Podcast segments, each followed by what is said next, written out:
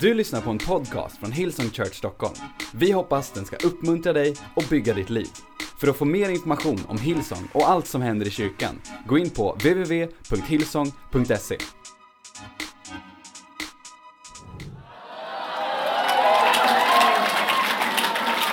Hebreerbrevet kapitel 12.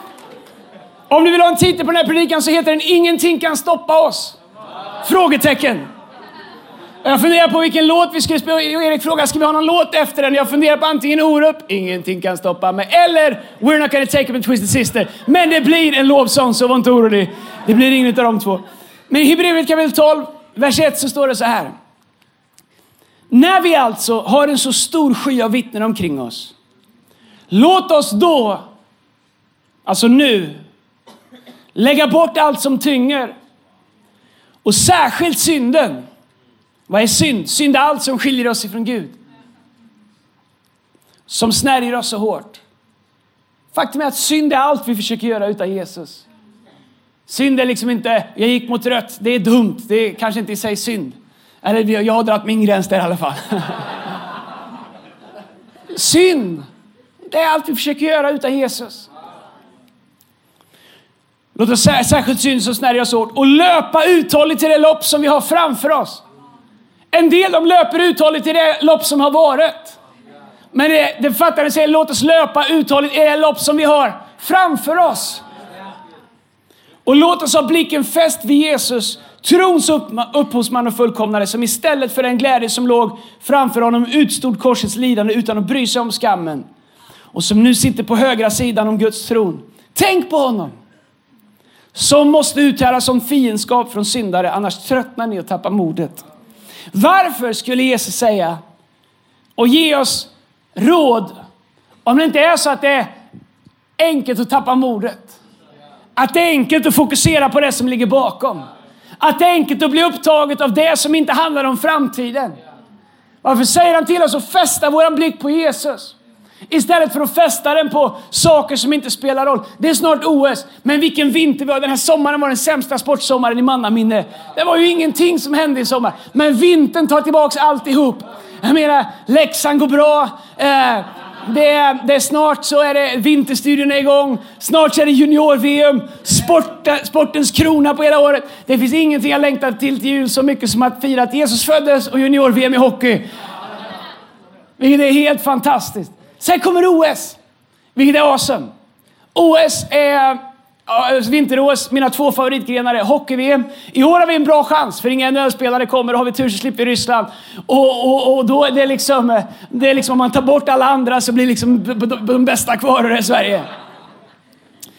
Jag älskar hockey-OS eh, och jag älskar skidstafetten. En gång, true story, på Nalen, mitt i min predikan, så bröt jag min predikan och vi gick live till SVT, eller vilket var det var, för att kolla sista sträckan på herrfinalen i skidstafetten. Sant! Jag pausade rakt i min predikan och sa hej, hold that thought. Och så satt vi på tvn och kollade och såg när Sverige, Marcus Hellner åkte i mål och tog VM-guld. Jag menar om du tycker att det är fel så är du med i fel kyrka. Come on somebody.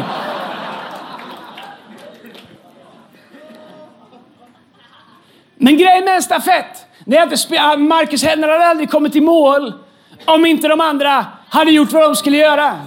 Jag vet inte om du kommer ihåg när, jag tror det var Björn Lind, hette han Björn Lind som gick in i väggen. Och det spelar ingen roll när jag skickat in Gunde Svan och Wassberg på sista sträckan. För det, det hade inte funkat om inte alla gör sin sträcka. När det kommer till kyrkan, när det kommer till vårt uppdrag, när det kommer till vår del av stafetten, som i brevbrevet talar om.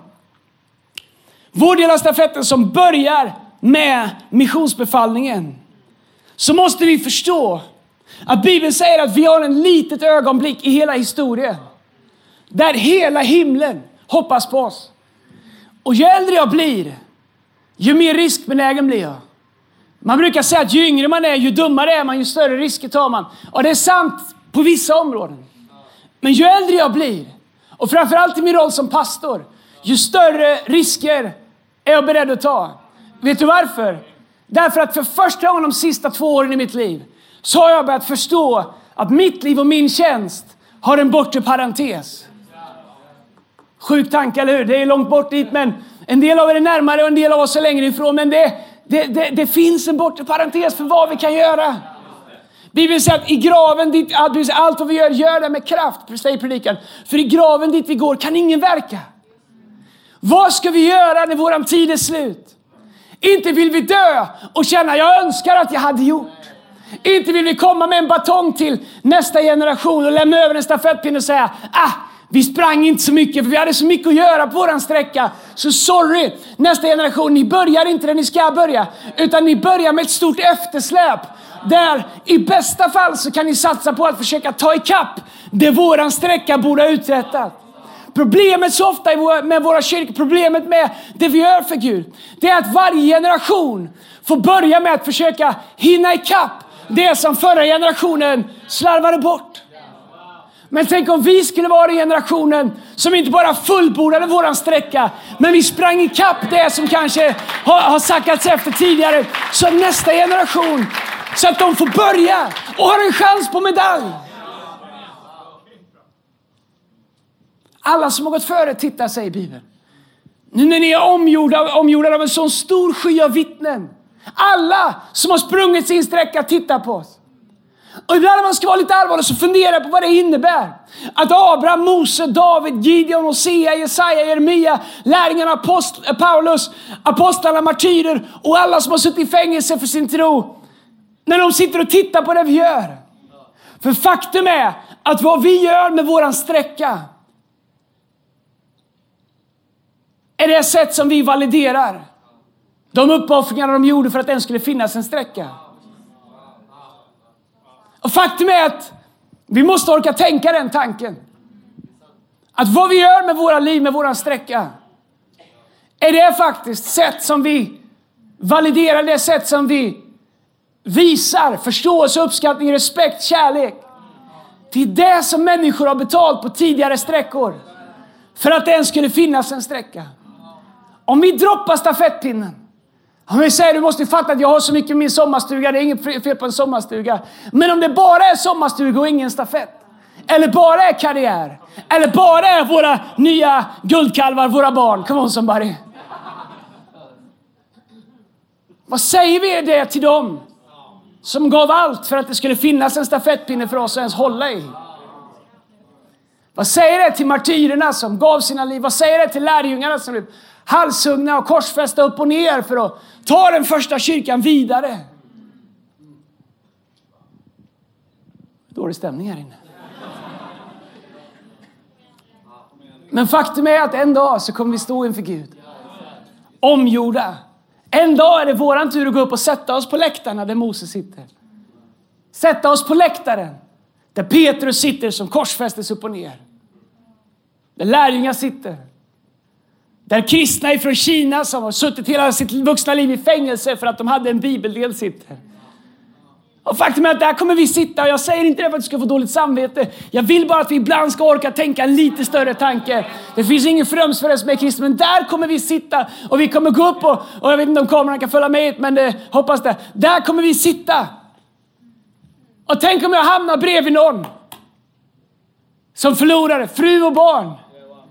Som satt i fängelse. För evangeliets skull. Och jag ska säga, men du förstår, det var så körigt. Det var, ju, det var ju matcher och det var ju det och det var ju det och det var det och sen så skulle jag göra det och jag ville se gärna ha den bilen och är inget av det är några problem. Vad ska jag säga till någon som sitter där? Vad ska jag säga till någon som kanske kommer upp efteråt? Säger det fanns ingen kyrka för mina barn att växa upp i för era generation, ni, ni tappade stafettpinnen.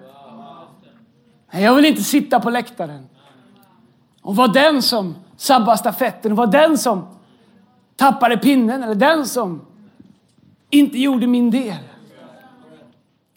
Jag tänker de förutsättningar som Gud har gett oss. Om man tittar på oss i Hillsong. De förutsättningar som Gud har gett oss med byggnader. Vi satt i ett fastighetsmöte i veckan och tittade på helt nya potentialer att bygga om nere i Göteborg. Och eh, någon hade en idé som totalt vände upp och ner på opportunities som vi inte ens hade kunnat tänka oss. Och kan vi ens göra lite av det vi drömmer om så skulle det vara historiskt där nere. Här i norra och faktum är med allt vi gör så kommer vi ett steg närmare. Varenda gång vi gör något med en fastighet så är det ett steg närmare våran egen egen lokal i city.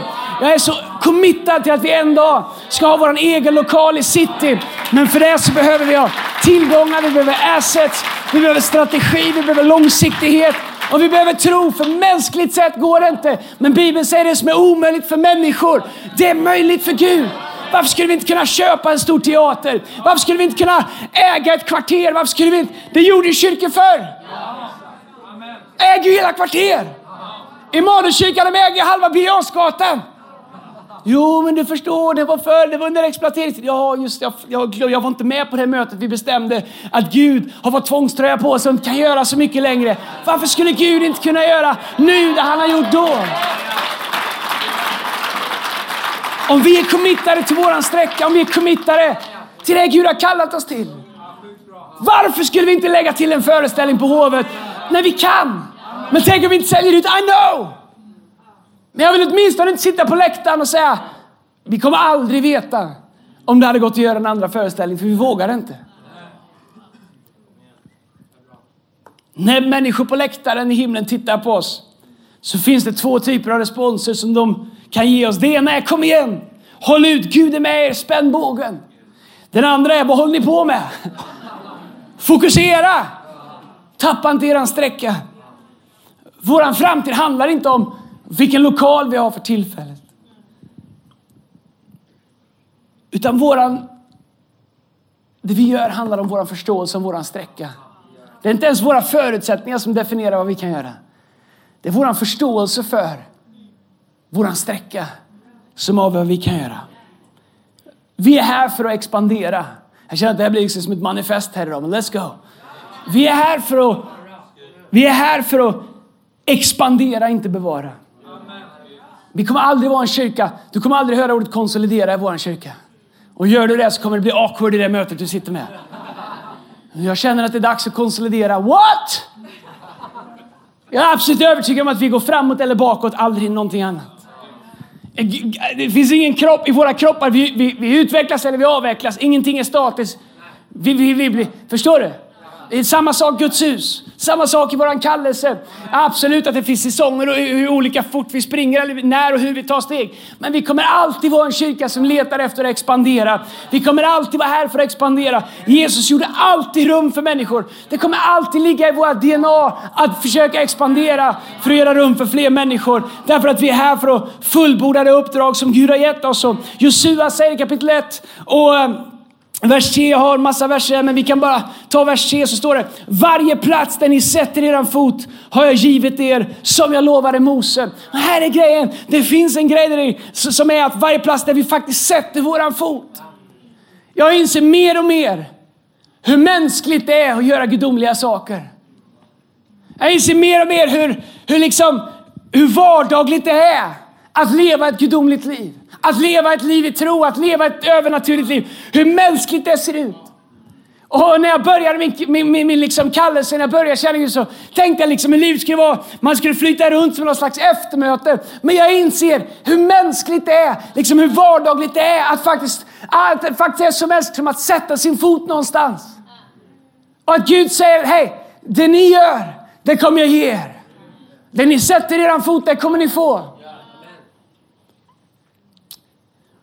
Och när jag tänker tillbaks på vår kyrka hittills så, så inser jag att varje gång vi har vågat ta ett steg framåt som kyrka och har lyckats så har det funnits två tydliga saker som har varit involverade. Två, två när, jag, när jag skalar ner så är det två saker. Och I det här vi har gjort, vi har lagt till tre stycken nya locations i Jönköping, Göteborg och Örebro. Så jag har funderat väldigt mycket på vilka vi är. För det är väldigt viktigt att veta vilka vi är så att man kan reproducera det man är. Men när vi har expanderat, tagit nya steg och vågat följa Gud så är det två saker som jag har sett varit, liksom funnits med hela tiden. Det ena är att vi har alltid gjort det tillsammans. Vi har gjort det i enhet. Och det är så otroligt viktigt. Jag kan inte nog understryka hur otroligt tacksam jag är. Vet du att vi är en kyrka? Det har nästan aldrig hört om konflikter. Det kan hända att de finns, men de kommer inte till mig. Tack Jesus. Men vet du, jag hör om kyrkor som har 30 pers som är, det är konflikter jämt. Familjen Pettersson är arg på familjen Andersson. Och syster så och så får inte spela orgel så mycket som hon ville, som hon fick innan. Och, Och han så och så, han får inte spela så högt som han vill på trummorna. Man bråkar om så- sånger, man bråkar om det, man bråkar om vem som ska göra det. Och, och faster Agda har alltid bakat sockerkakan till nattvarden. Och nu kommer, nu kommer snärtiga liksom Sara som ska göra det första. Och sen så kommer liksom tuffa du vet såhär, och sen så, oh, nu, våran kyrka är inte som det var förr. det är så många språk. Och tack gode Gud för det! Om du inte gillar många språk så för hela världen, se till att du missar himlen. För jag kan lova, svenska kommer inte vara någon majoritet där.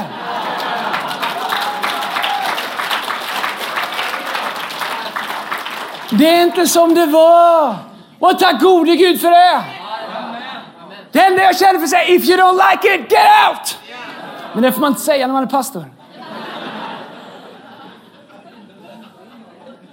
Men jag tänker det.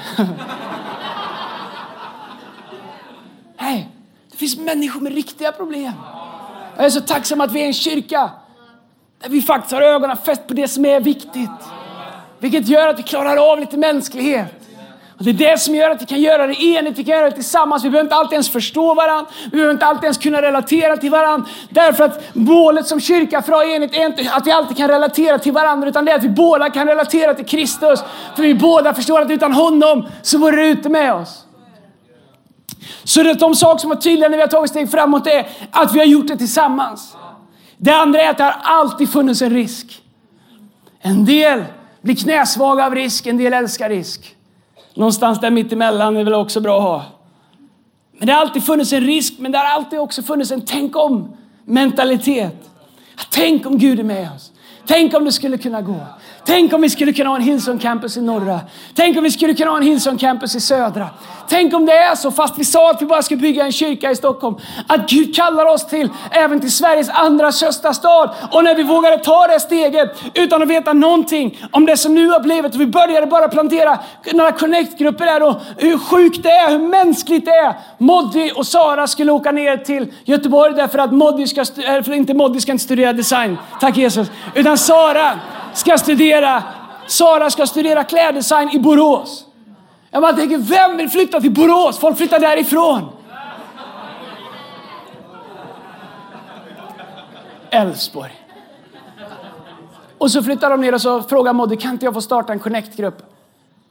Och det nästan forcerar mig. Jag, jag motarbetar tanken på att göra något i Göteborg. Men eftersom det är Moddy som frågar.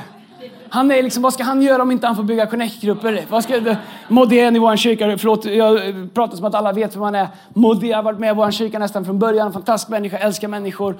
Och eh, han och Sara, underbara människor som är gifta. Så Modé frågar om han startar lite connect-grupper. Okej, okay, okej, okay, starta lite connect-grupper. Men prata inte om det så mycket. Det blir så mycket väsen och grejer och sådär. Och, och, och hit och dit. Och, och, och sen så bara kommer Gud på det där liksom. Tänk om. Så lägger han sin hand. Och så, så nu ett år senare så har vi inte bara connect-grupper i Göteborg utan vi har en kyrka i Göteborg, Jönköping och Örebro. När vi vågar titta på risk och går in i en enhet, i enhet med en slags, jag vet inte hur det här ska gå till, men tänk om Gud är med i det. Så har Gud alltid välsignat det. Och jag inser att vi lever i de dagarna vi drömde om. Eh, ja, det var det. Men när vi startade vår kyrka så första gången så hade vi ett möte. Första mötet vi hade, vi hyrde eh, den kyrka som det verkar alla hyr nu för tiden. De ska starta någonting. Stack, stackars Betlehemkyrkan, De har fått vara hem till många olika försök. Men eh, vi hyrde en liten sal där. Och, och, och, och, det första vi gjorde från början var att jag tog ner altaret. Jag fattar inte det. Jag kom från landet. Man fick inte flytta de grejerna. Det finns ritualer runt omkring och det har vi respekt för. Och, och, men vi flyttade på det. Och så smällde vi upp massa produktion. Och det var så mycket lampor och grejer. Vi kunde lysa upp hela Vasastan. Men eh, vi, vi gjorde som vi alltid hade gjort. Vi lassade på med högtalare och, och, och, och blixtar och dunder och granater. Och, och, och vi skulle starta en kyrka. Och det var ju tänkt att det, alla kommer komma. Och det kom 18 pers. Det var deprimerande för när låtsastimmet gick upp så var det bara sex kvar i publiken. Varav jag var en och jag var också ljudtekniker. Om du tycker att det är högt ibland, nu ska du veta hur det var när vi började. Jag hör dåligt och det enda sättet för mig att sköta ljud är att skjuta upp alltihop så är det klart. Därför att jag var tvungen att springa ner och predika också. Då är det bättre att ha det på max än att ha det lite för lågt. Come on somebody. Och, uh, uh, utav de sex som var kvar i publiken var jag en.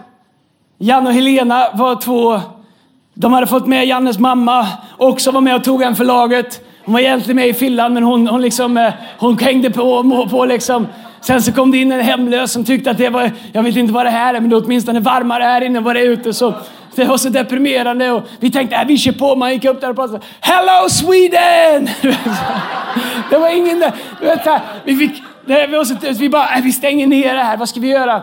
Så vi träffades i ett år. Vi hade ingenstans att vara, så vi var i foajén på, eller lobbyn på gamla eh, Scandic Sergel Plaza där uppe vid, vid, vid Sergels torg. Och vi köpte kaffe och vi var så fattiga så vi, vi fick turas om att köpa kaffe. Alla, alla, alla kunde köpa kaffe varje gång. Och så satt vi där. Och det vi gjorde under ett år, medan vi pausade vårt misslyckade försök till att starta kyrka, var att vi började drömma om vad kyrkan skulle kunna bli.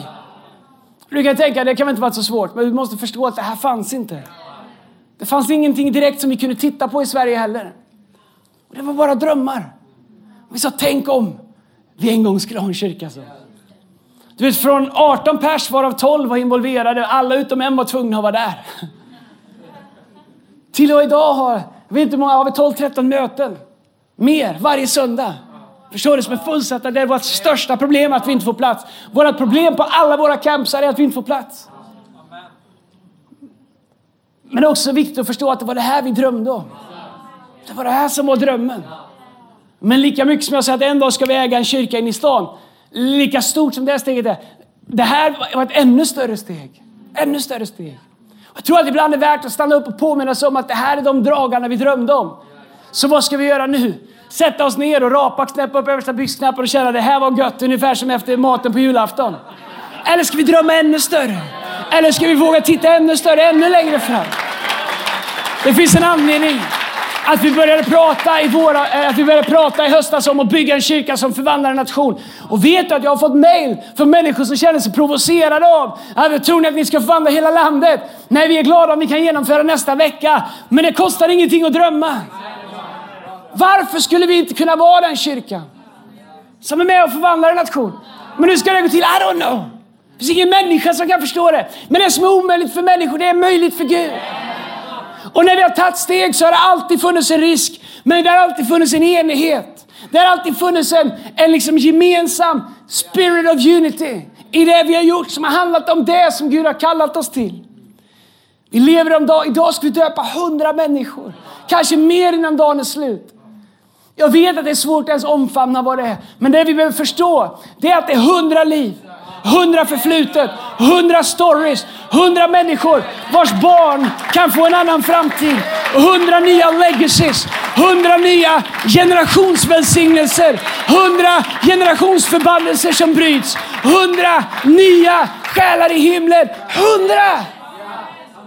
Hundra! Jag kommer ihåg när vi började döpa. Vi lurade in oss i gamla Folkungakyrkan. Vi bröt upp golvet i scenen för där fanns en gammal dopgrav. Det var så kallt. Om du tycker att vattnet är liksom lite grumligt om du är bland de sista som döper sig. Nu ska du veta hur det var i den här gamla folkakyrkan från 1800-talet. Vi bröt upp scenen, det fanns lite vatten där, den läckte så mycket. Med, och där, du vet så här, sent en tisdagkväll i mörkret, vi tände inte upp så mycket så att ingen skulle se att vi var i kyrkan. Där liksom fick man komma in, liksom. det stod liksom tio pers liksom runt ett hål i marken så här på scenen. Jo, kom här och doppa dig, det här är helt logiskt, det här gör alla kristna. Bryr dig inte om att det är mörkt här och det ser lite konstigt ut. I med det här bara, du kommer få ett förvandlat liv. Du vet, det var en i taget. Vi fick jobba mer med en än vad vi gör med tio nu. Nu har sagt till mig att det kommer dagar när vi på en söndag ska döpa hundra. Ja, du vet så här. Jag hade köpt om jag hade blivit hundra pers i kyrkan. Vårt första möte var vi 91 pers, Casinoteatern. Andra mötet tror jag vi var 43, 44 någonting. Tredje mötet var vi nere på 20. Vi var liksom en, en och en halv vecka från att vara självutplånande. Vi döper mer människor idag än vi, vad vi var på gudstjänsten första året. Det är bara värt att låta det sjunka in. Förvandlade människor. Varför? Psalm 133 säger How good and pleasant is it when brothers live together in unity. Yes, that's where God commands his blessing. Egentligen så är det väldigt enkelt. Gud säger, där det finns enighet, dit befaller jag min välsignelse. Han säger, där enhet råder, dit befaller Gud sin välsignelse. Inte där alla förstår all teologi. Inte där alla är renläriga. Inte där man aldrig slår sönder en gitarr, come on somebody. Inte där alla är färdighelgade. Inte där alla har samma åsikter. Inte där alla håller med om allt. Inte ens där alla hejar på samma hockeylag. Vi har frihet inom, i, med, vi har liksom så här, frihet under ansvar att välja egna lag och heja på vad Det är inte det som är grejen. Inte enhet genom att vi gillar samma musik eller samma lovsång. Inte enhet för att vi har våra favoritlovsångsledare eller favoritpredikanter. När jag blev frälst så alla som predikade var bara awesome för de öppnade Guds ord. Sen fick jag lära mig att man skulle ha favoritpredikanter. Ja, den är jättebra, den gillar vi. Med. Jaha, jag trodde alla predikade Bibeln. Ibland så får jag fråga Andreas vem predikar på söndag och jag förstår vad de menar och ibland tänker de att jag ska säga det, det är jag. Vad bra, då kommer jag. Du vet så här, det är det sämsta du kan säga till mig. För det du säger till mig är att om inte du predikar så kommer jag inte. Och det är omöjligt för mig att predika alla möten alla söndagar. Dessutom tänker jag inte göra det. Därför att jag är committad till att resa upp människor som blir bättre predikanter än vad jag är. Och då kan jag inte ta all plats. Och det är också ett commitment som vi har som kyrka. Det blir heart and soul här idag, det blir underbart. Vet du, come on church, vi har ett ansvar att bygga predikanter. Vi har ett ansvar att göra människor som är i början på sin resa bra predikanter. Men om de kommer upp här och känner, tänk på våra unga predikanter som vi har som Vanessa och Petrus och Tobbe Palm och han är inte så ung men, men alla, du vet så här. De som är liksom i början av sin gärning. Även Lina som predikar mer och mer, men som inte har liksom predikat lika många år som jag har gjort. Och jag tänker på de här när de kommer upp hit, vad, vad enkelt det är och du vet så här, känna liksom att, du vet så här, åh vad gulligt det är. Det är det sämsta du kan göra. Come on, om du kan få dem att känna sig som att du är, du är, så här, du är, du är den bästa predikanten jag har hört. Och är du dålig ska jag ropa, ska jag säga amen mycket högre ändå. Och har du fel i teologin så kommer jag inte ta det direkt efter mötet.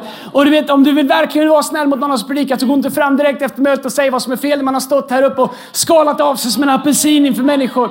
Kom on, vi har ett commitment till att bygga eh, nästa generation och bygga nästa, nästa lager av ledare. Och ni som är lite äldre, som helt plötsligt får en ledare som är lite yngre. Ni kan ju antingen ta liksom den roll. Så hm, du kommer att prata med mig. Inte komma att lära pappa göra barn. Det har jag gjort sedan innan du var född. Eller ska vi säga, vad bra. Fast jag vet mer om vissa saker så får jag förmånen att vara med och bygga en framtida ledare. Du förstår, enhet har noll att göra med hur vi är överens om alla saker. Det är en spirit. Enhet är en ande. Och, och motsatsen till enhet ande är split, splittringens ande. Faktum är att splittring är ett namn på djävulen. Splittraren. The divider. Så antingen så har vi Guds ande, vilket är enhetens ande. Eller så har vi splittringens ande. Problemet med splittringens ande är att den hittar riktiga saker som potentiellt kan skilja oss åt. För det är klart de finns här! Det är, ni är ju inte änglar, i alla fall inte här i norra. Jag vet inte hur det ser ut i city, Erik, men, och inte i södra heller. Där är det bra. Men här i norra ska vi veta, här är inga änglar. Här är vanliga människor. Det innebär att det finns massa mänsklighet där också. Men det är det Gud har bett om att få använda. Och därför så säger Bibeln att där enhet råder. Det innebär att där vi låter enhet råda. Varför måste vi låta det? Därför att det finns options. Men där enligt rådet dit befaller Gud sin välsignelse. Enhet är inte alltid liksom att, att liksom man måste leva med saker. Till exempel, vi var ute och jagade lite i fredags morse. Jag kommer hit till kyrkan idag. Eh, eh, en fasan fälldes. En fasan, okej? Okay? Nej, jag såg när haglet gick från min bössa, träffade fasanen. En halv sekund senare såg jag en annan svärm komma. Från PLs bössa, PL Cummings bössa. Strax efter min svärm, okej? Okay? När jag kommer till kyrkan här idag så kommer någon och säger, jag hörde att ni fick en fasan. PL sa att det var han som sköt. Men vet du? Eftersom enhet råder i den här kyrkan så kan jag bara låta det vara. Jag behöver inte ens ta upp det. Jag kan bara, I can let it slide. Det är klart han ska få tro att han träffar det. Men det är ju det vi handlar om, att låta människor växa. Alltså, att låta människor få växa i sin självbild. Come on somebody. Om allt jag behöver göra är att tro att han träffade fasanen, det är klart jag gör det. Jag kan leva med det. För jag är ingen splittrare. Jag är en enhet. Och vet du vad någon med spirit of unity gör? Han är beredd att ta notan. Även om det gäller en fasan. Och fast man vet att man var den som träffade så är man beredd att låta det passera. Men vet du vad det är med enhet? Enhet är beredd faktiskt att låta enheten bli på min bekostnad. Jag pratar inte om felaktighet, jag pratar inte om liksom osunda saker. Enhet, spirit of unity, det är att jag låter det bli på min bekostnad. Jag låter det vara på min nota.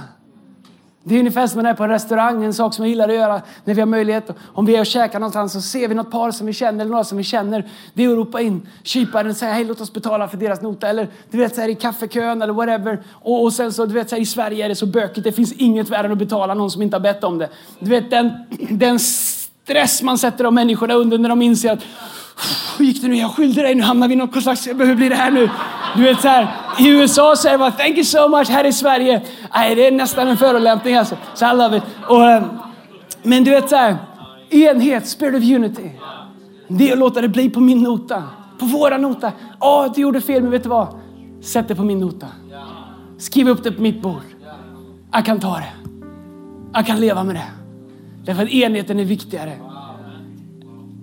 Jag vet inte om du har varit och ätit middag med någon någon gång, flera stycken och sen i slutet så liksom det är ju ingen som eller ingen sträcker sig efter plånboken när notan kommer. Alla är tvungna att svara i telefonen. Någon är alltid tvungen att gå och kissa när notan kommer. Du vet, så man är ute och äter med flera stycken. Och så slutar det med att någon säger, ska vi inte dela? Och det är alltid någon som tar upp miniräknaren och sitter på decimalen. Att, åh, nu ska vi det, nu ska vi det. Jag, får jag ta med min rikskupong här? Så du vet så här, du vet så här. Det slutar med att någon tröttnar och säger, jag tar den. Det finns allt. Jag har suttit och försökt dela på notan, men jag hade inte det. Du hade fyra köttbullar, jag hade fem. Du tog och du hade, du hade påfyllning på din cola, det hade inte jag. Ja, då ska vi dra bort sju kronor. Du vet så här, äh, få hit den. Du vet så här, om våran enhet bygger på att vi är bra på att dela notan lika, kommer jag aldrig ha enhet. Även när det kommer till Heart for the House. Heart for the House inte, jaha, hur mycket gav våran campus, vad får vi för det? Hey, that's not the spirit. Ena gången så bygger vi om Göteborg. Nästa gång så bygger vi om Norra. En dag ska vi köpa något i city. För, för förra året så kunde vi bygga om och göra om hela södra, hela lokalen i södra. Enhet handlar inte om hur vi hackar upp och delar upp allting. När får jag vara med? När får jag? När får jag? Vad får jag? Vad fick jag? Det jag gjorde det här. Det är inte enhet. Enhet är, hej, sätt det på min nota. Därför att enhet gör att Gud kommer befalla sin välsignelse till oss. Vi har inte kommit dit vi är på grund av smartness. Vi har inte kommit dit vi är på grund av briljant ledarskap. Vi har kommit dit vi är på grund av att Gud har befallt sin välsignelse över vår kyrka. Det är det som gör att vi döper 100 pers idag. Det är inte att vi har kommit på en special evangelisationsteknik. Jag tror att ytterst sett så är det Guds hand över vårt hus. Guds hand över våra liv. Och när vi går in i 2018 som kommer vara det största året vi någonsin har haft så är vi så beroende av Guds hand över våra liv. Och därför har jag och Lina pratat mycket om vad vi behöver göra inför nästa år för att göra rum för det här i våra liv. Och jag tror att det är när man är beredd att titta på sig själv och säga vad får plats på min nota? Vad är jag beredd att göra? Så man är med och bidrar till the spirit of unity. Och till alla oss som har varit med ett tag. Ni vet, ju längre man har gått med Gud, ju, ju mer förväntas av oss. Men ju mer förväntas också av oss som andliga föräldrar. Att vi faktiskt sätter förutsättningar för de som är nya i tron. För de som Paulus beskriver det säger när jag var som ett barn så talade jag som ett barn, men nu är jag blivit vuxen så är jag vuxen. Vi säger att vet du vad, det här, de här som vi döper, jag tar ansvar för dem tar ansvar för deras framtid, jag tar ansvar. Du kanske aldrig kommer prata med dem, men du kan vara med och ta ansvar för dem ändå. Ibland kan det vara så enkelt som bara låta bli den där konversationen. Låta bli att stanna hemma när du borde komma. Låta bli att äh, låta bli liksom och, eh, äh, reta upp det på någonting som finns anledning att reta upp det på. Och tänka att nu när vi är omgjorda av en sån stor sky av vittnen, låt oss inte tröttna på att göra gott. Låt oss inte tappa våran sträcka. Låt oss inte tänka det värsta som kan hända när vi växer, är att tänka det finns så många andra. Men vet du, för mig som är på, på, i, i, i liksom rollen tillsammans med många andra här, av att leda det här, vi saknar jämt folk. Jag ska vara ärlig, det fattas alltid folk. Vi är alltid kort om folk.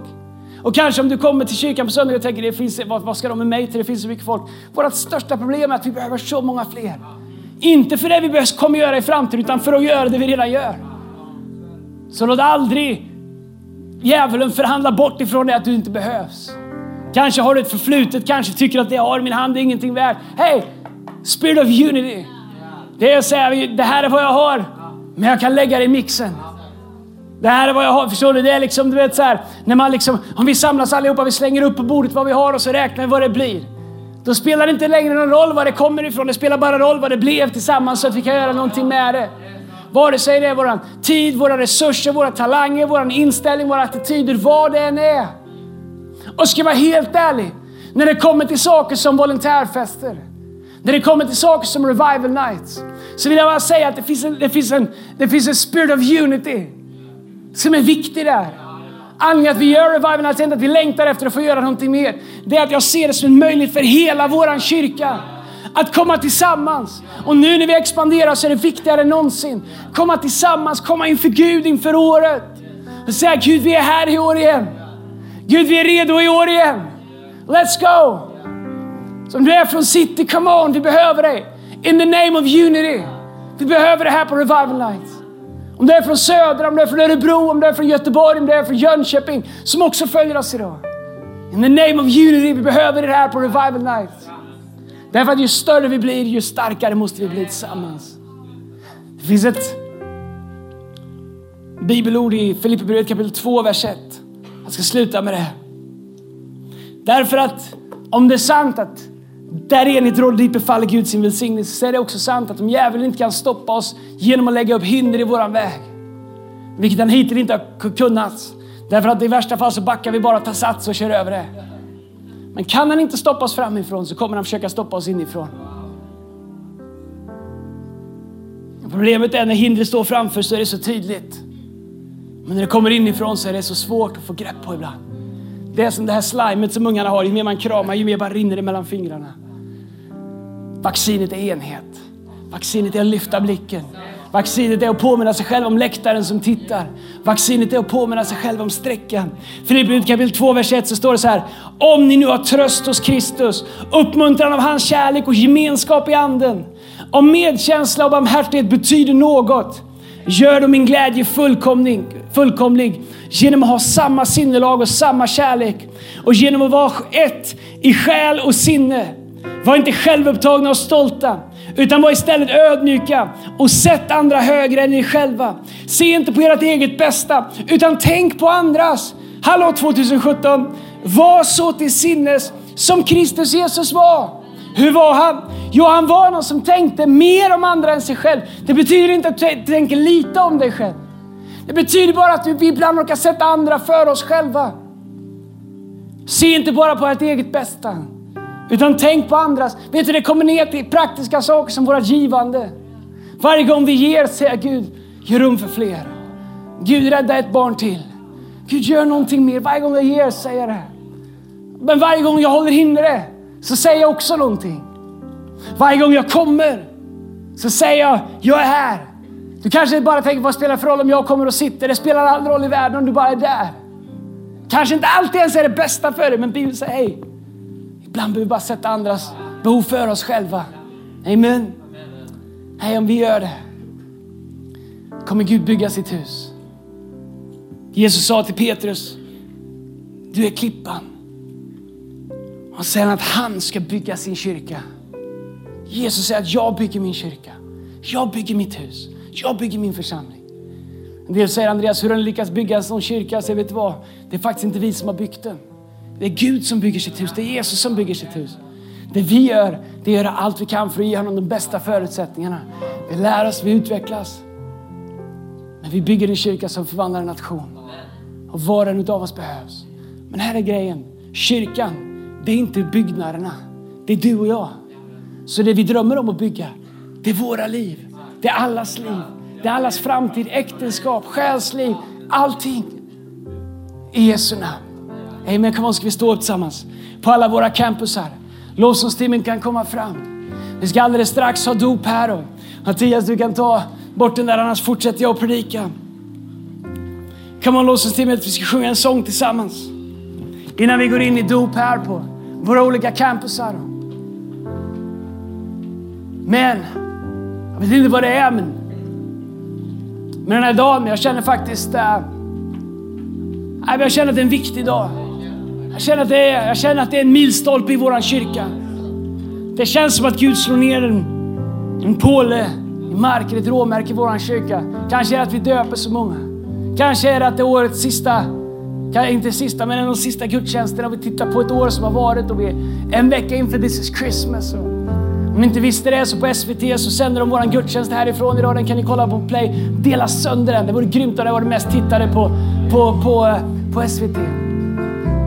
Om Gud har gjort det här, varför skulle han inte kunna göra mer än vi drömt om?